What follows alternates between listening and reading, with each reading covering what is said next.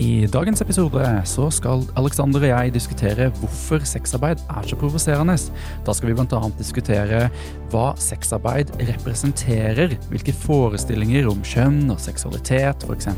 monogami, som sexarbeid representerer, i hvilken grad er det kristen moral har påvirket synet vårt på prostitusjon og andre former for sexarbeid, og eh, er sexarbeidere smittebomber?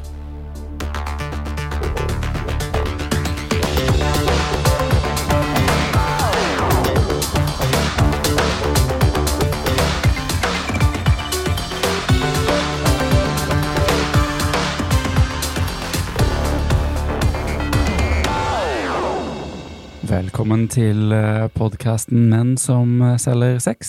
En podkast i regi av Vårt Oslo, og i studio så hører du meg, Andreas Vekanger, som sitter sammen med min makker Hallo, hallo. Alexander Sørli. Og Menn som selger sex, det er jo en tittel som kan bety veldig mye. Vi, vårt Oslo selger kanskje litt ekstra abonnementer fordi vi sitter her og har denne podkasten, så det er jo en måte at vi selger sex på. Eller så har vi jo begge erfaring med fysisk sexsalg, og jeg produserer jo også litt eh, porno, som jeg kjenner bitte lite grann på. Og det er jo også en form for sexsalg.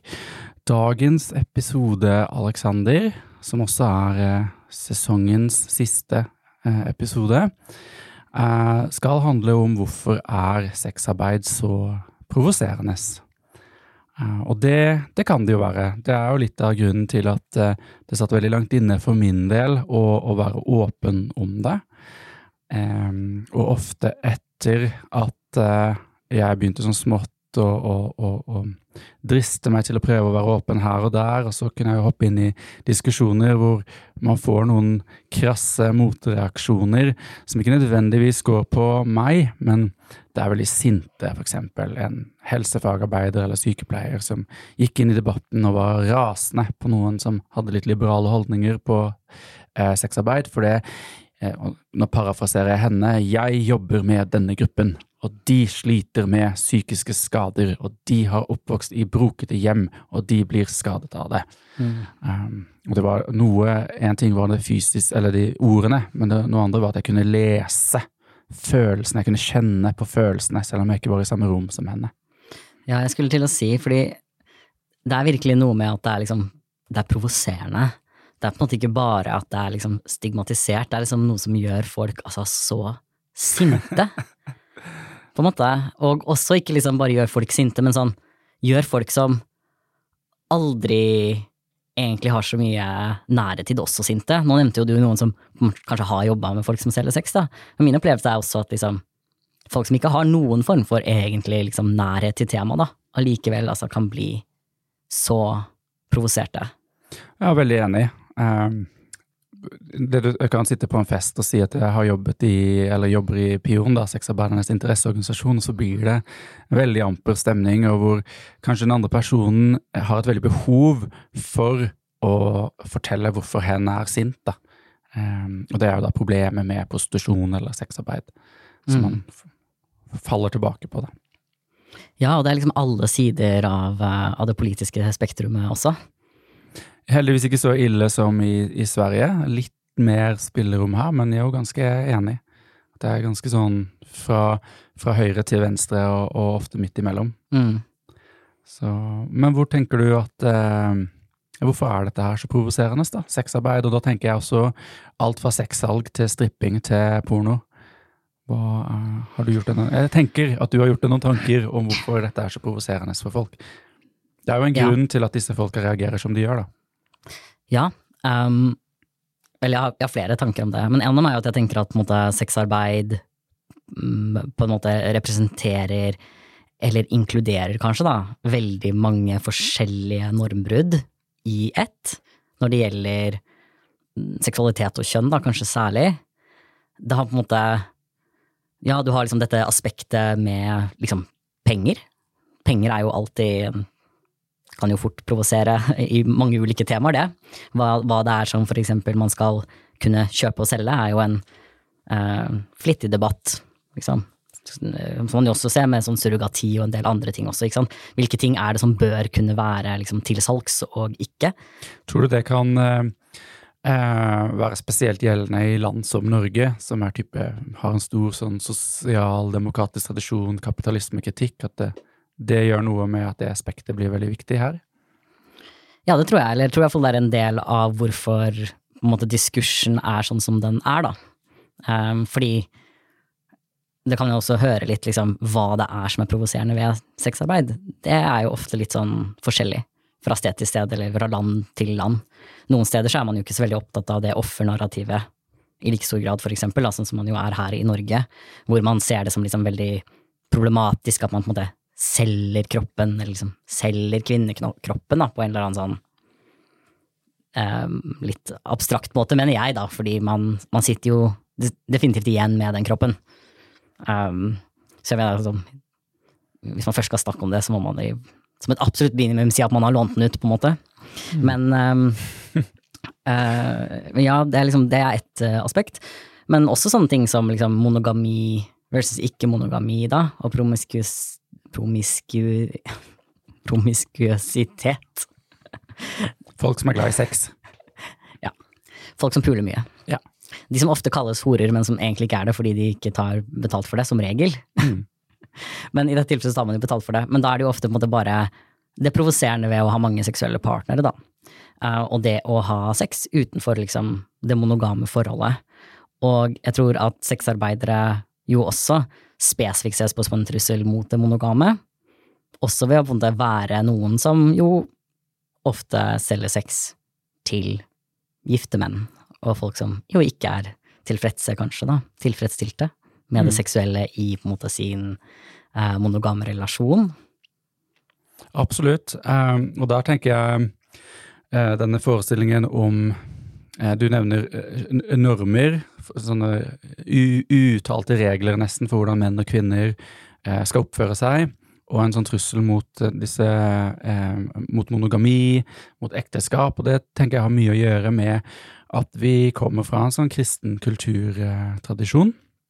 Eh, så jeg vil jo tro at kanskje eh, mye av det samme vil gjelde for muslimsk og, og jødisk teologi, men eh, Espen Ottosen, som er informasjonsleder i Norsk Luthersk Misjonssamband, han skrev jo i sin tid en artikkel på skaperkraft.no om trivialisering av sex. Eh, som var en kommentar til når eh, den gang sexarbeider Hege Grostad sto fram som sexarbeider, og at eh, dette var noe hun ønsket oss å gjøre. Og da, da nevner han mye av det som du nevner, og noe av dette er med trivialisering, da. At i, i, henhold til kristen etikk så er ektesk, seksualitet og sex hører hjemme i et ekteskap, og der er det to stykker, og det er menn en mann, og det er en kvinne. Eh, og at han frykter litt at og, Nei, sex er noe som bare kan kjøpes og selges. Og, altså det, man på en måte utvanner det litt, da. Og mm. um, tar noe som er veldig grunnleggende viktig for oss, da. Hva han sier at uh, sex berører oss på et grunnleggende plan. Mm. Og det er jo for så vidt enig i, uh, men ja, jeg føler at han er litt som en sånn sært sært ektepar som får et fantastisk vakkert eh, eh, kjøkkenservise, og som er så pent at det kan vi aldri ta fram, med mindre kongen kommer på besøk. Mm. Så jeg er litt mer sånn at hvis det er så fint, så må alle mine gjester få lov til å se det. Jeg er helt enig. Interessant at du nevner liksom Espen Ottesen, for jeg har jo faktisk også vært i en, eh, en debatt med han angående monogami spesifikt, og en artikkel som jeg skrev sammen med Ole Martin Moen, som het uh, 'Monogami er umoralsk', hvor vi på en måte snakker om, om mye av de her tingene. Og uh, hans måte kritikk av det ikke-monogame, er jo også nesten nøyaktig det samme. Den her tanken om at det fjerner dette spesielle, da. Og så er det selvfølgelig en kristen uh, tankegang bak der. Han er jo leder av Norsk Luthersk Misjonssamband, som du kanskje nevnte. Informasjonsansvarlig, eller informasjonsleder, i hvert fall. Er det det han er, ja. Jeg er i hvert fall involvert i relativt konservativ, kristenkonservative kristen konservativ uh, grupper, da. Men ja, det er denne ideen om liksom det spesielle, da, ved, ved sexen, som på en måte blir utvannet i det du deler det med flere. Uh, men jeg er jo litt sånn som deg, jeg tenker jo også at det at det ikke helt gir, helt gir mening. Og også at på en måte jeg tenker på det litt sånn som mat og middag også, da. Du kan jo ha et veldig spesielt fancy måltid som på en måte er skikkelig fancy og flott og spesielt og unikt, og som du må du bare ha med den personen. Og det at du liksom spiser fast food innimellom, gjør på en måte ikke det måltidet mindre fancy, da. I mine øyne. Nei. Nei, altså, for meg så er det litt sånn um, Hvis sex er så spesielt, og det berører oss på en sånn grunnleggende måte, og det er jeg jo veldig enig i, um, da gir det meg logikk at det er noe man burde oppsøke og dele med veldig mange mennesker, at det kan gjøre livet eh, mye mer meningsfullt. da. Det som jeg syns er litt sånn interessant med hans artikkel, da, Eh, det, for han er egentlig veldig Han prøver å være veldig sånn saklig og, og argumentere og se ulike sider av saken. Eh, og så avslutter han med en sånn påstand da, om at verken den som kjøper sex eller selger sex, kan ha et sunt forhold til kjærlighet, til kropp, til seksualitet eh, og et forpliktende samliv. Og det tar han bare så for gitt at det behøver han ikke argumentere for. Eh, og det tenker jeg jo um, han kan ta for gitt, da, fordi det er forestillinger som flere i samfunnet um, har. Uh, og så, som går tilbake på det du sier om at sexarbeid bryter med forestillinger om, om hvordan vi skal innordne kjærlighetslivet vårt. Mm. Ja, definitivt. Og eh, en, litt, litt, litt, annen ting for så vidt, da, men som jeg måtte, kom på, det var Jeg tror i kanskje episode to eller et eller annet sånt nå, så nevnte du så vidt den måten som en del transkjønna sexarbeidere da, kan være i fare, fordi folk som kjøper sex av dem, som regel er liksom cis-kjønna folk, som kan slite med sin egen tiltrekning liksom, til transfolk. Um, og jeg tenker jo det også er en sånn annen måte hvor sexarbeid kan bli provoserende på. Jeg tror at um, sexarbeidere og konseptet sexarbeid um, er noe som for veldig mange også er litt sexy. Eh, men som også er tabu, og at det også er en del av den følelsen av å bli provosert, som liksom er der for veldig mange. Og det er jo bare å tenke på hvor mange det er da, som jo aktivt benytter seg av og ser på porno, men som samtidig har veldig negative holdninger til prostitusjon eller til salg av sex mer generelt. Så det her er jo på en måte en, en ting som vi veldig mange syns at er sexy, men som de skammer seg over at de syns er sexy. Mm.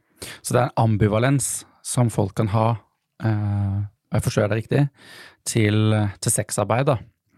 Eh, som jeg tror også kanskje da, sånn generelt sett, så tenker jeg jo at alle har en veldig sånn sterk ambivalens til seksualitet. Um, av mange ulike grunner, sånn som det vi snakker om, om seksualmoralske forestillinger som folk bryter med hver dag. Eh, og så vet man jo at dette her henger i til liksom, hvordan vår, kroppen vår fungerer med at Gud eller alt dette, eller universet, valgte å plassere et rekreasjonelt system, eh, tissen og rumpa vår, gjennom et avløpssystem som bare skaper litt sånn rare greier i hodet vårt. ikke sant? Så jeg tror det er veldig sånn komplisert, men jeg tror at vi alle har en sånn ambivalens til, til sex og seksualitet på et vis. Og, mm. eh, og, det du nevner, er det jo mange som kan reagere på, da. Eh, sexarbeidere, da. Enten at eh, folk kan bli kunder kan bli forelska i en sexselger, men vil ikke være kjæreste, for man vil ikke tilkjennegi at man er sammen med en, en kjæreste, eller folk som er storforbrukere av porno, eh, men som skal kritisere eh, sexarbeidere, eller kunne ikke tenke seg å være sammen med dem, eller tenke at de må jo være skada, eller ja. Mm. Ja, jeg tror også at en del folk kanskje overidentifiserer seg litt med sexarbeid, altså fordi sex er en sånn erfaring som jeg skal ikke si at alle har den, da, men som de aller, aller fleste voksne, da, har jo noe erfaring med seksuelle relasjoner. Og så blir det på en måte en sånn erfaring som alle føler at de har. Sånn at liksom Jeg tror at folk føler at de i mye større grad enn det de egentlig kan, da, klarer å sette seg inn i hvordan det liksom er å selge sex, eller å leve av å selge sex. Når det jo, tenker jeg, ikke egentlig er tilfellet. Um, og jeg tror en sånn form for overidentifisering kan være den følelsen som en del folk har, da, hvor de kanskje egentlig ønsker seg en kjærlighetsrelasjon, eller at de er i et romantisk relasjon, og begynner å oppleve at den sexen de har internt i den romantiske relasjonen, da føles transaksjonell. Mm. At det føles ut som at det her er ikke noe jeg gjør fordi det er gøy, det her er noe jeg gjør fordi han vil det, og for å opprettholde en god stemning, eller sånn og sånn og sånn, og på en måte tar den følelsen der, da, av liksom sånn jeg liker ikke det, da føler jeg meg brukt, når jeg føler at jeg liksom må ha sex for å gjøre noen andre glad, eller mm, liksom at det gjøres sånn i bytte mot et eller annet, så føler jeg meg dårlig. Um, så derfor er liksom sexarbeid må derfor være en enda mer ekstrem versjon av det, mm. som må føles minst like ille for de som gjør det, da. Mm. Det er en sånn en form for emosjonell resonnering som jeg tror veldig mange gjør typisk også når det gjelder sex generelt. da. At man har denne her følelsen av at ja, 'dette skjønner ikke jeg', 'dette er fremmed for meg', dette, når jeg tenker på det her, så knyter det seg i magen min, derfor må det være noe galt med det. Den, den formen for emosjonell rasjonering eh, opplever jeg at folk ofte gjør når det gjelder normbrytende seksualitet. da. Og så eh, har du noe som på engelsk sexarbeideraktivister kaller for the politic of ick, uh, som jeg tror kan oversettes til vemmelsens politikk, som er når du går ut Espen Ottosen gjør det til en viss grad uh, når han skriver at de fleste tar det jo for gitt, eller de fleste skjønner jo at, at uh, sexarbeid er skadelig for de fleste. Det er undertrykkelse, og det er vold, og så er det denne appell å appellere til følelser, da. Men du kan også se typisk eh, veldig sånne sinte prostitusjonsmotstandere som kommer med veldig sånne grafiske forestillinger. Liksom snakker om personer som selger sex som bare hull som menn kan tømme seg i. Og det er jo ment, det er sånne grafiske eh, beskrivelser som er ment å skape vemmelse. Og så behøver man ikke komme med et argument. For det at da bare regner man med at eh, leserne mine er sikkert enig i at det, det kjennes ikke greit ut. Og da skal det være førende for eh, det man mener, da. Mm. Ja, eh, jeg er helt enig. Og apropos det også, en del av disse liksom grafiske fremstillingene, jeg synes det er også ganske interessant å se på hva de inneholder. Mitt inntrykk er at en god del av de kan bli sånn implisitt ganske homofobiske. Um, for eksempel har jeg sett gjentatte ganger at um, Eh, heterofile kvinner som liksom deltar i denne debatten med menn, eh, veldig ofte går til en sånn ja, hvordan ville du følt deg hvis det lå en liksom, stor mann oppå deg og dytta seg liksom, inn i rumpa di, og måten de sier det på, er med en sånn helt implisitt og selvfølgelighet om at det her er noe som er heslig. Mm. At tanken om sexen, liksom? Ja, at det å være en mann som blir pult av en annen mann, og spesifikt er liksom passiv relasjon til en annen mann, er noe som er heslig, noe som er ekkelt, og at eh, vedkommende ikke engang måte, trenger å sjekke eller vite noe da, om den andre personens faktiske seksualitet, for å kunne anta at det her er et scenario som vil nettopp skape vemmelse. Mm. Ja, det er, også, det er interessant. Du hadde jo den der famøse eh, Kari Jakkesson-kommentaren til hun i, i, Unge Venstre på et sånt 8. Mm. mars-møte, hvor hun bare Ja, prøv å suge ti pikk om dagen, du, liksom. Og så var det ikke mot penger eller noe som helst. Det var liksom bare 'sug ti pikk om dagen'. Og ja takk, sier mange av oss, liksom. Så det er liksom noe med en sånn implisitt eh, eh, sexnegativitet der, da. Som jeg tror de bare tenker at dette kan vi spille på, for det er sikkert flere enn jeg som føler det i salen. Mm. Ja.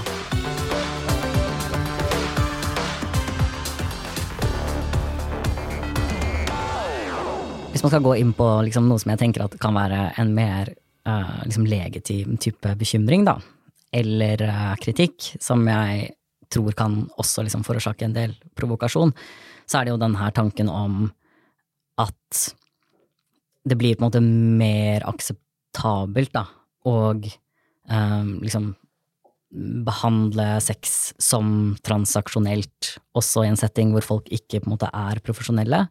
Um, og eller at det kan normalisere en del liksom, former for atferd som man kanskje ikke ønsker å normalisere. Og det her ser man jo kanskje mest klassisk i liksom, diskusjoner om porno. Som for eksempel denne tanken om at uh, si det er greit å kvele noen uten å spørre de først, fordi man ser i porno at det er noe folk gjør. Fordi det er liksom sjeldent at man i porno sier liksom Hei, kan jeg få lov til å kvele deg nå? Fordi man jo på en måte selger en, en form for fantasi. Um, og også fordi en del folk kanskje er dårlige på da, å forstå at liksom, mange pornoskuespillere er jo også ofte skuespiller, sånn at liksom, ting kan se drøyere ut enn det det egentlig er. Mange vet liksom mye om hvordan kroppen fungerer, og hvordan man skal posisjonere seg, og hvordan man kan holde eller kvele noen på en måte som ikke faktisk liksom fratar dem luft, videre. Eh, på en at det ikke er kjent, da. Og det tenker jeg kanskje er noe som kan gjøre at det er provoserende, og også som er på en måte en mer legitim kritikk da, enn mange av de tingene som vi har på en måte snakket om nå. Ja, altså jeg tenker det er jo eh, en frykt eh, Det er på, på en måte en sånn frykt om at sexarbeid er skadelig. Eh, som man eh, Altså, Røde Kors hadde jo en, en rapport om unge voksne og porno, eh, hvor det kommer fram at eh, mange unge voksne som kun har porno som et referansepunkt, kan da eh, føle at de må gå med på ting, f.eks. kvinner som har, unge voksne jenter som føler at de må gå med på seksuelle ting som de egentlig ikke vil, for det er det de sett i porno. Eh, og det er eh, veld, veldig viktig å rope varsku om, men jeg tenker at det er jo ikke pornoen eller sexarbeidet som er problemet, det er jo uh, det som på engelsk kaller fravær av porn literacy. For det du snakker om at liksom, samtykke, den forhandlingen er jo blitt gjort før kameraet slås på og man sier action. Uh, og at det er mange av disse aspektene som forsvinner når vi ikke lærer når, I stedet for å lære unge voksne hvordan de skal forholde seg til porno, sett opp mot en sunn seksualitet, så bare skal man prøve å skjerme folk fra porno, og så unngår vi sånne viktige diskusjoner. Mm. En, en, annen ting som jeg tenker, er jo uh, altså For å fortsette på den, den tankegangen der, da, er jo også Um, at spørsmålet om grad av tilgjengelighet også er noe litt annet enn på en måte hvor iboende fælt noe er. Fordi det er jo også sant at liksom uh, folk kan få tak i veldig mye mer ekstreme ting i en veldig mye yngre alder, når internett på en måte ikke har noen rammer rundt seg, og hvor veldig mye porno også på en måte blir stjålet da, og puttet på steder hvor de ikke skal være. Og en del av det kan jo nok, er nok vanskelig å på en måte unngå helt. Men jeg tenker at en del av det er jo også ting som er helt uh, Ikke bare ikke er på en måte sexarbeideres skyld, men som veldig mange sexarbeidere absolutt ikke vil at skal skje. Som jo nettopp er at pornoen deres eksempel blir spredt utenfor de nettsidene hvor det er en paywall, eller på en måte blir puttet på masse forskjellige nettsider hvor de ikke har delt dem, og derfor ikke tjener penger.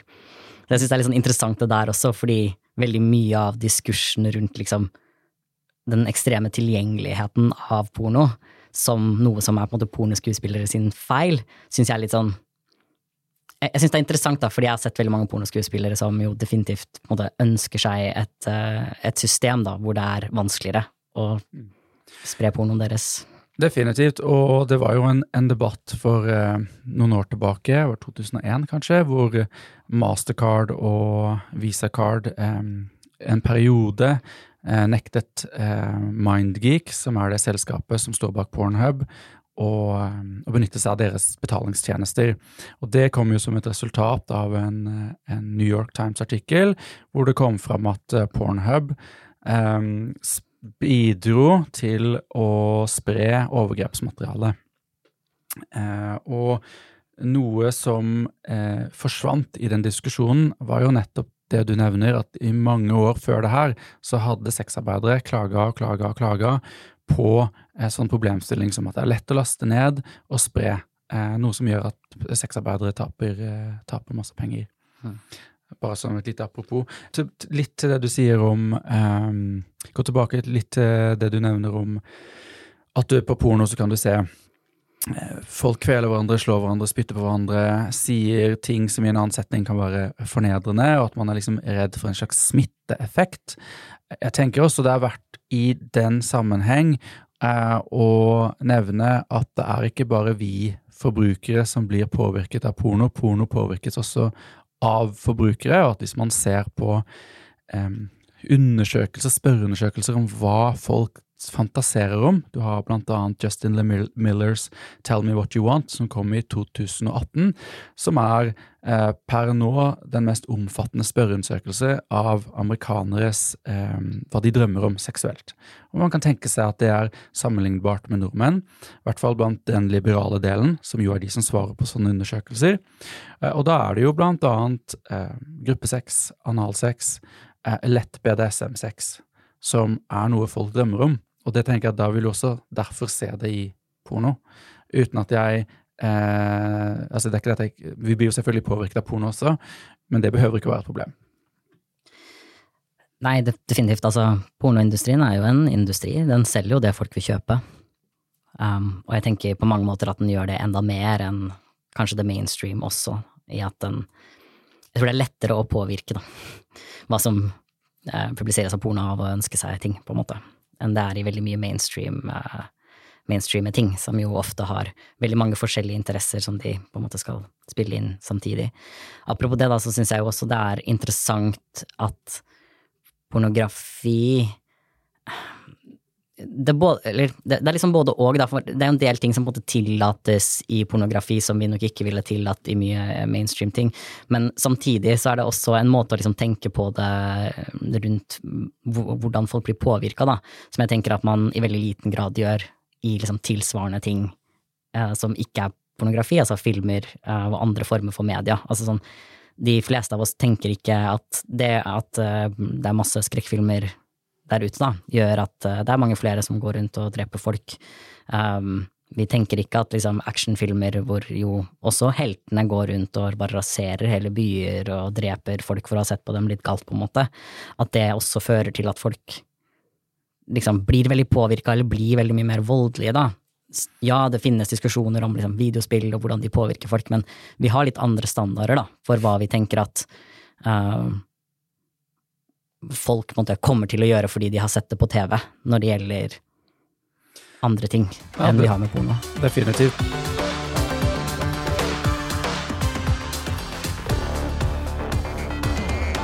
Du nevnte det her med, hvis vi går tilbake til transaksjonalitet og at eh, hvis man først åpner opp for at det er greit å selge seksualiteten sin og kroppen sin, så, så kan man begynne å, å, Så vet man ikke hvor det ender. og det Tilbake til Espen Ottersen, det var også hans argument, da, at eh, ikke langt unna å tillate det her, så ligger det å tillate organsalg eller eh, assisterte eh, selvmord, som jeg for så vidt er for i visse tilfeller.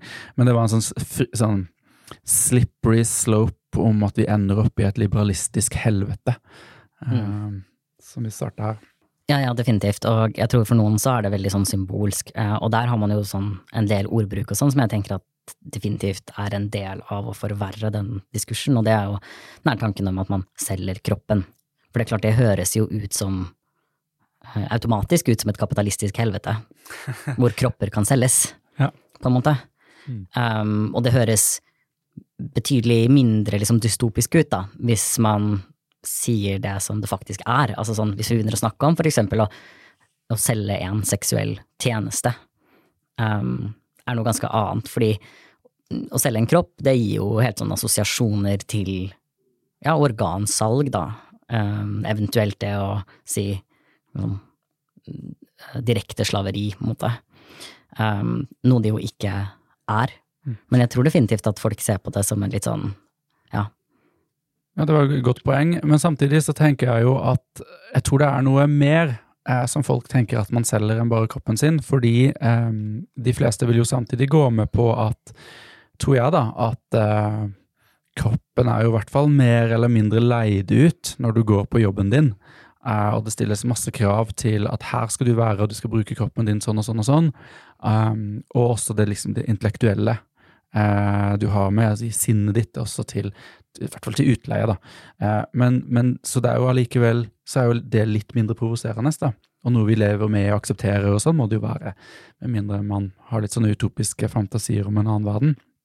Så jeg tenker det er noe mer her som folk tenker at man Du har ikke bare solgt kroppen din, du har solgt alt. Du har solgt sjela di. Solgt sjela di, solgt um, seksualiteten din, solgt uh, verdigheten din. Mm. tenker det er mange ting her som man kan si at man har solgt. Jeg tror dog også at en del folk bare liksom helt genuint ikke helt forstår hva det vil si å selge en seksuell tjeneste. Min erfaring er nok at en del folk nok også tror da at det du gjør, er at liksom ja, ok, her får du liksom 2000 kroner, og da kan jeg gjøre hva jeg vil med kroppen din. Um, og at litt av det, den der tanken om å selge kroppen også kommer fra det. At det er liksom sånn, da kan jeg bruke deg sånn som jeg vil. Og det vil jo være annerledes enn de fleste former for liksom arbeid, da, som man gjør med den fysiske kroppen, hvor man jo liksom ikke er sånn at den som betaler deg, på en måte kan gjøre hva de vil. Og så er det selvfølgelig sånn at sånn er det også i sexarbeid, til de som lytter. Altså sånn, det her er en myte, det er ikke sånn at du liksom får eh, tar penger, og så kan den andre personen gjøre det de vil. Man har veldig tydelige rammer, da, satt for hva man kan gjøre. Men jeg tror det er en sånn tanke om at, at man på en måte kan bruke den andre, da. Mm. Ja, at man mister litt av noe av det som er det viktigste for oss i vår, vårt samfunn, og det er den der selvråderetten og eh, agentskap og aktørskap over oss selv. Eh, men må legge til noe som vi allerede har nevnt, eh, og det er jo at eh, hvis du står i en vanskelig situasjon, eh, så har du jo mindre muligheter til å utøve det agentskapet i sexarbeid. Hvis du er veldig avhengig av penger, så kan du kanskje ikke velge bort en kunde, og da, da vil jo den kontrollen over situasjonen du står i, eh, og hva din evne til å kunne forhandle, være svekket, da. Jeg er helt enig, men jeg tenker fremdeles at det er, ja, på en måte viktig å, være tydelig på det her, da, om at man ikke gir noen full tilgang til kroppen sin gjennom at de betaler for sex. Uh, fordi jeg tenker at det lager jo også en assosiasjon som er at ingenting som skjer da, innenfor det sexsalget, kan noensinne være et overgrep, på en måte. Det er jeg enig i, og jeg tenker det rettferdiggjør jo også noe man ofte ser i debatten om sexarbeid, og det er jo at man eh, snakker over hodet til personer som driver med ulike former for sexarbeid. Og det kan jo rettferdiggjøres hvis man har solgt alt, da. Så hvis du, hvis, du er, hvis, du, du er, hvis, du, har gitt fra deg alt, så kan det rettferdiggjøre at Men da, vi, da, da har du nesten ikke det som skal til for å, å, å eh, snakke for deg sjæl, og da må vi andre gjøre det. Um, og så tenker jeg jo også at uh, det å påpeke at det er den situasjonen du står i, som bestemmer i hvor stor grad du har kontroll i sexarbeid, det er jo ikke en kritikk av sexarbeid, det er jo en kritikk av systemet. Uh, fattigdom, eh, kvinneundertrykkelse, homofobi, men også at man i hvilken grad prostitusjonslovgivningen vår hemmer eller fremmer eh, din evne til din forhandlingsposisjon i, i, i markedet, da. Ja, Uh, og da kommer jeg også inn på noe som jeg tenker er provoserende for mange, og det er jo den måten sexarbeid på en måte viser fram da, og illustrerer sosial ulikhet. Det er veldig lett å på en måte se på hvilke grupper det er som er overrepresentert i sexarbeid, og også dermed se hvilke grupper som er marginalisert da, i samfunnet. Selv om det er eh, selvfølgelig ikke en sånn én-til-én, det er kanskje spesifikt grupper som um, er marginalisert også på måter som er litt sånn kjønna, da, ofte, uh, som er overrepresentert der. Men det er allikevel en ganske uh, klar og tydelig og synlig, da, tenker jeg, representasjon av hvilke grupper i, i samfunnet vårt da, som, har, som vi har sviktet. Ja, kan du nevne noen grupper? Ja, jeg tenker vi har jo nevnt noen allerede, da. Men altså, eh, skeive folk er jo veldig mye mer sannsynlig til å selge sex. Transfolk er mye mer sannsynlig til å selge sex. Rasifiserte folk er veldig mye mer sannsynlig til å selge sex. Uh, migranter av ulike slag, mer sannsynlig til å selge sex. Uh, folk med ulike former for funksjonsnedsettelser, kanskje særlig liksom psykiske, altså psykiske lidelser, ruslidelser. Personer med alvorlig rusproblematikk er jo en annen, annen gruppe som er særlig utsatt. Um, og selvfølgelig folk med lav sosioøkonomisk status, da, av hvilken som helst grunn. Altså folk som har dårlig råd og er fattige. Mm. Jeg tror jo også at um, noe av motstanden mot å anerkjenne sexarbeid som arbeid uh, handler om at da må vi gjøre mer for disse gruppene, og det koster mer for samfunnet hvis plutselig flere skal inn i velferdsstaten og, og få mer av begrensede ressurser. Mm. Bare som et lite apropos.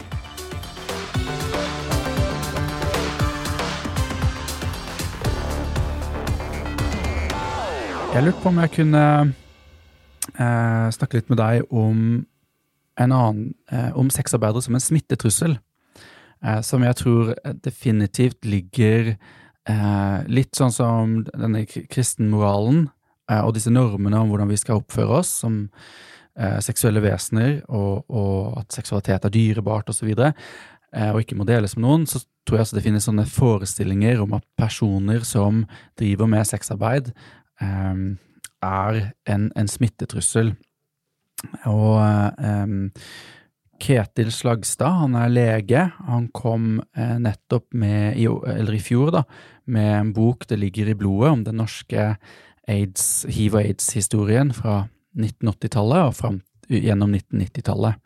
Og det er jo veldig interessant hvordan eh, han, han, peker på at idet man forsto at hiv ikke bare var noe som rammet homofile menn, injiserende sprøytebrukere eller eh, kvinner som solgte sex, men det kan faktisk ramme alle. Da kom plutselig masse veldig stygge eh, medieoppslag om aids-horer, og eh, sexarbeidere fikk veldig mye fokus. Eh, selv om det i ettertid viste seg at det var så godt som ingen smittefare blant eh, kvinner som solgte sex i Norge.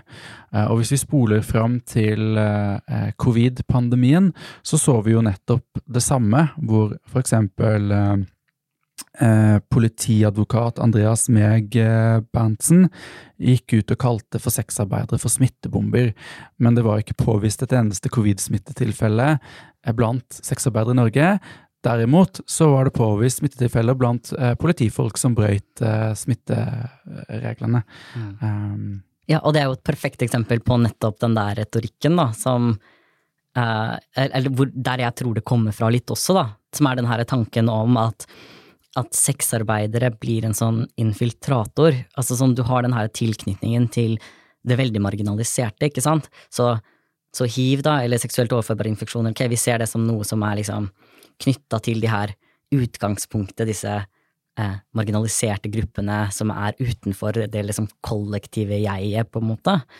Og så blir sexarbeidere, da, noen som gjennom og kanskje ligge med folk som er gifte, folk som har familier osv., nettopp liksom bryte det her monogame. En sånn infiltrator, noen som tar det her liksom skitne fra de liksom marginaliserte outgroupsene, på en måte, og drar det inn da, i den liksom privilegerte, liksom rene kjernefamilien, da, mm. som på en måte skal være et sted der man er beskyttet fra sånt.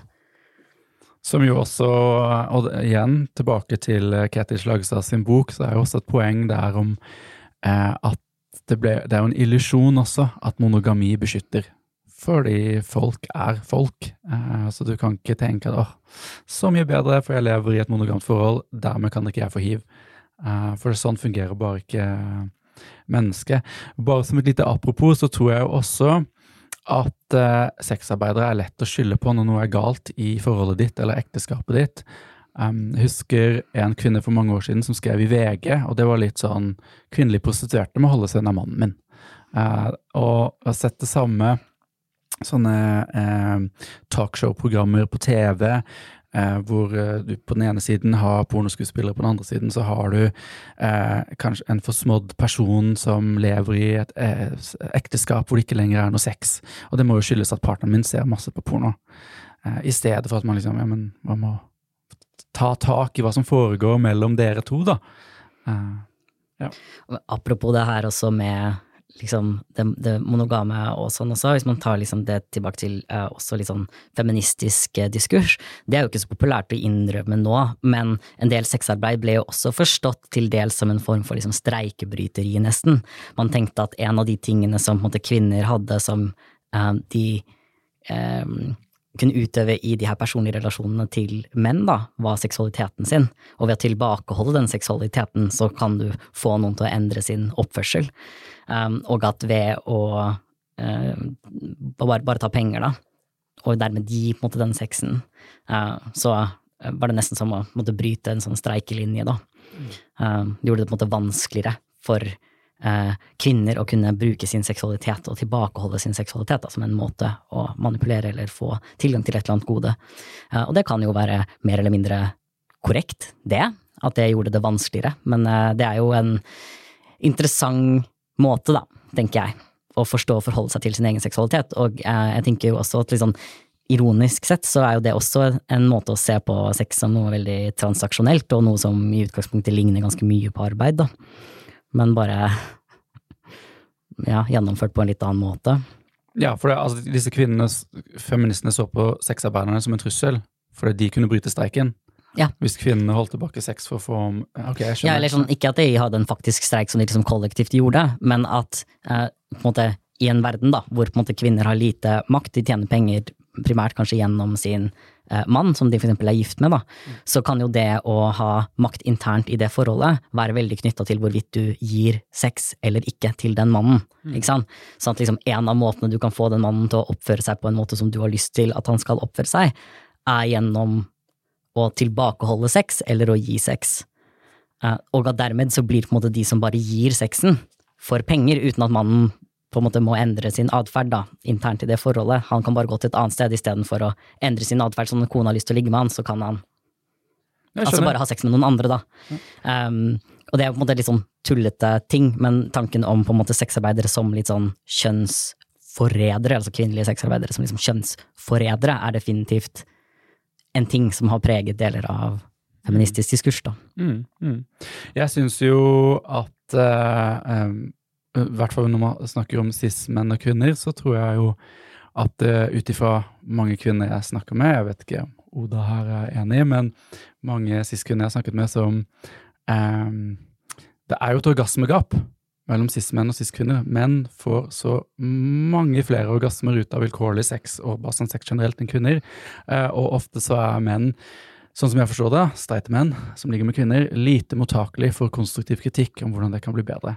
Så jeg har jo tenkt at uh, cis-kvinner bør jo gå ut i en kollektiv sexstreik og si altså, hvis ikke dere er villige til å tilbe fitta like mye som dere forventer at vi skal tilbe kuken, ingen sex.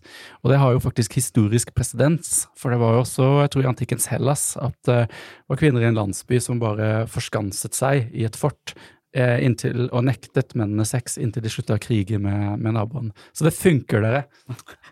Det hadde vært artig å se. Det har blitt mye arbeid da på de få sexarbeiderne. Ja, ja ikke sant? de par tusen sexarbeiderne vi har i Norge. Ja. Uh, nei da, de hadde sikkert vært med de også. Mm. Ingen streikebrytere her. Eh, litt det du eh, snakket om, for nå, nå snakker du om eh, den kvinnelige sexarbeideren som en slags eh, trussel, kjønnsforræder.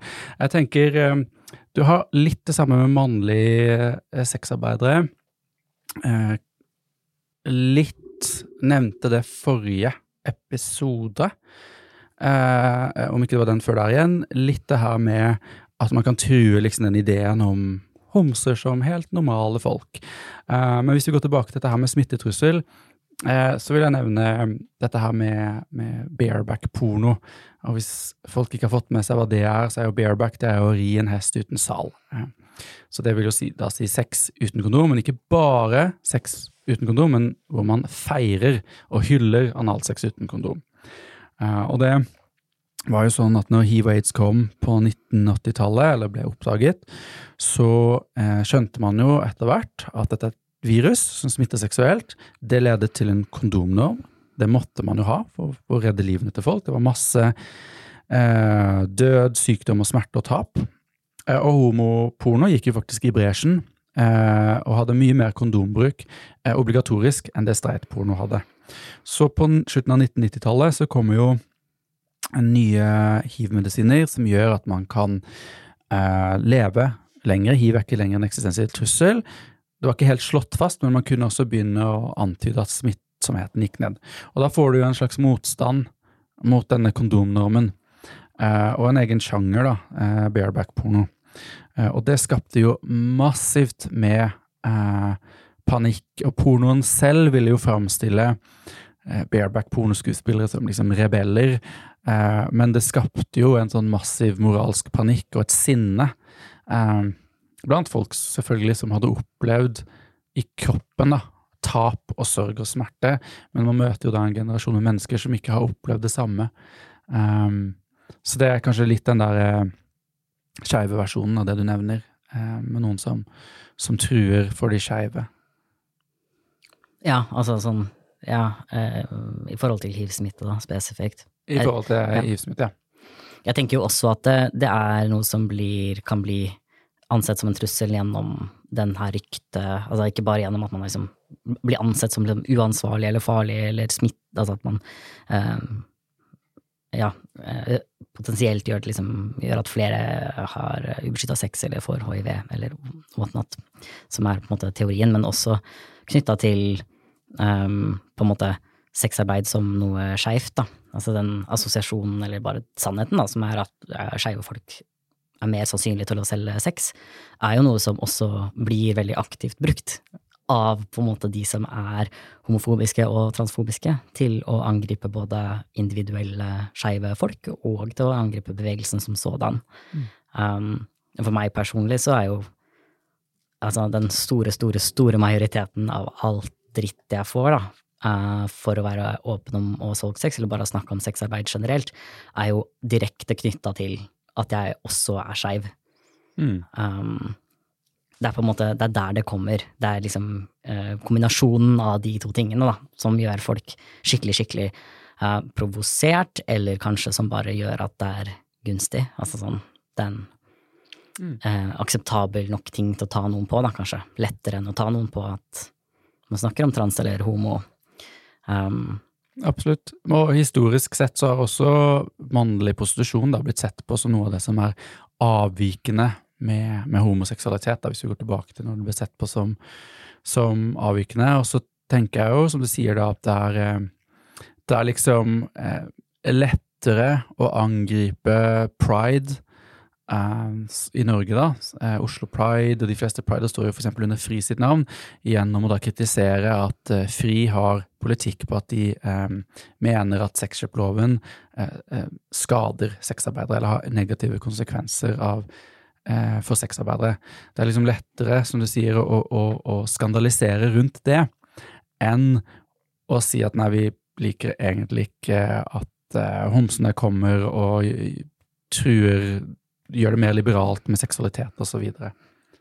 Det blir litt sånn hundefløyte, er det det man kaller det? på en måte? Ja, eller kanskje ikke helt. Jeg vil kanskje det er jo ganske, det er på en måte ganske direkte, liksom, det man gjør der. Altså det, det, underliggende er homofobi, tenker du, også transfobi, og så på en måte bare spiller man på noe som det er lettere å ta folk på, da. Mm. Det tror jeg er kanskje mer strategi, bare, og kanskje en klassisk strategiting også, da. Uh, og det er jo også en måte å prøve å splitte, tenker jeg.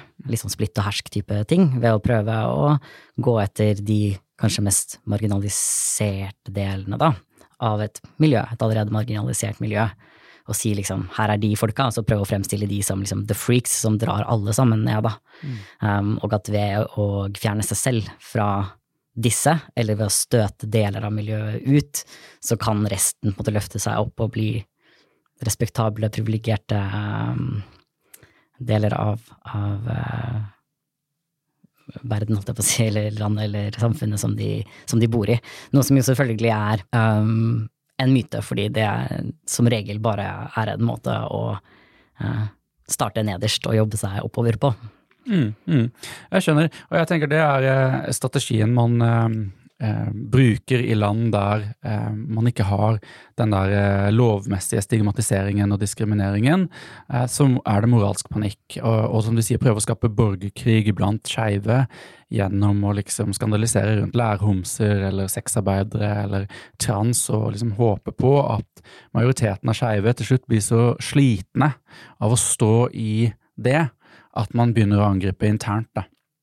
Eh, eh, og da tenker jo jeg at um, For å gå litt tilbake til den der eh, kritikken som Espen Ottersen vi nevnte, kommer med i forhold til, til hvordan vi skal leve livene våre, og det er tosomhet og, og, sånne ting. Og det at som skeive, så tenker jeg jo at det også er og Det er ikke alle skeive som er i denne folden, men mange av oss lever jo sånn som deg og meg, i ikke-monogame relasjoner. Og, og jeg tenker at dette er jo en egen um, en egen kultur i ordets rette forstand, som kultur som noe man gjør eh, i fellesskap med andre, som er med på å forme våre liv og våre identiteter, og hvordan vi forstår oss selv eh, i universet. Og at jeg håper at skeive kan bli litt mer bevisste på at eh, når vi knuller rundt og danner relasjoner eh, som ikke må være avhengig av tid, det kan være en meningsfull relasjon som skaper masse fantastisk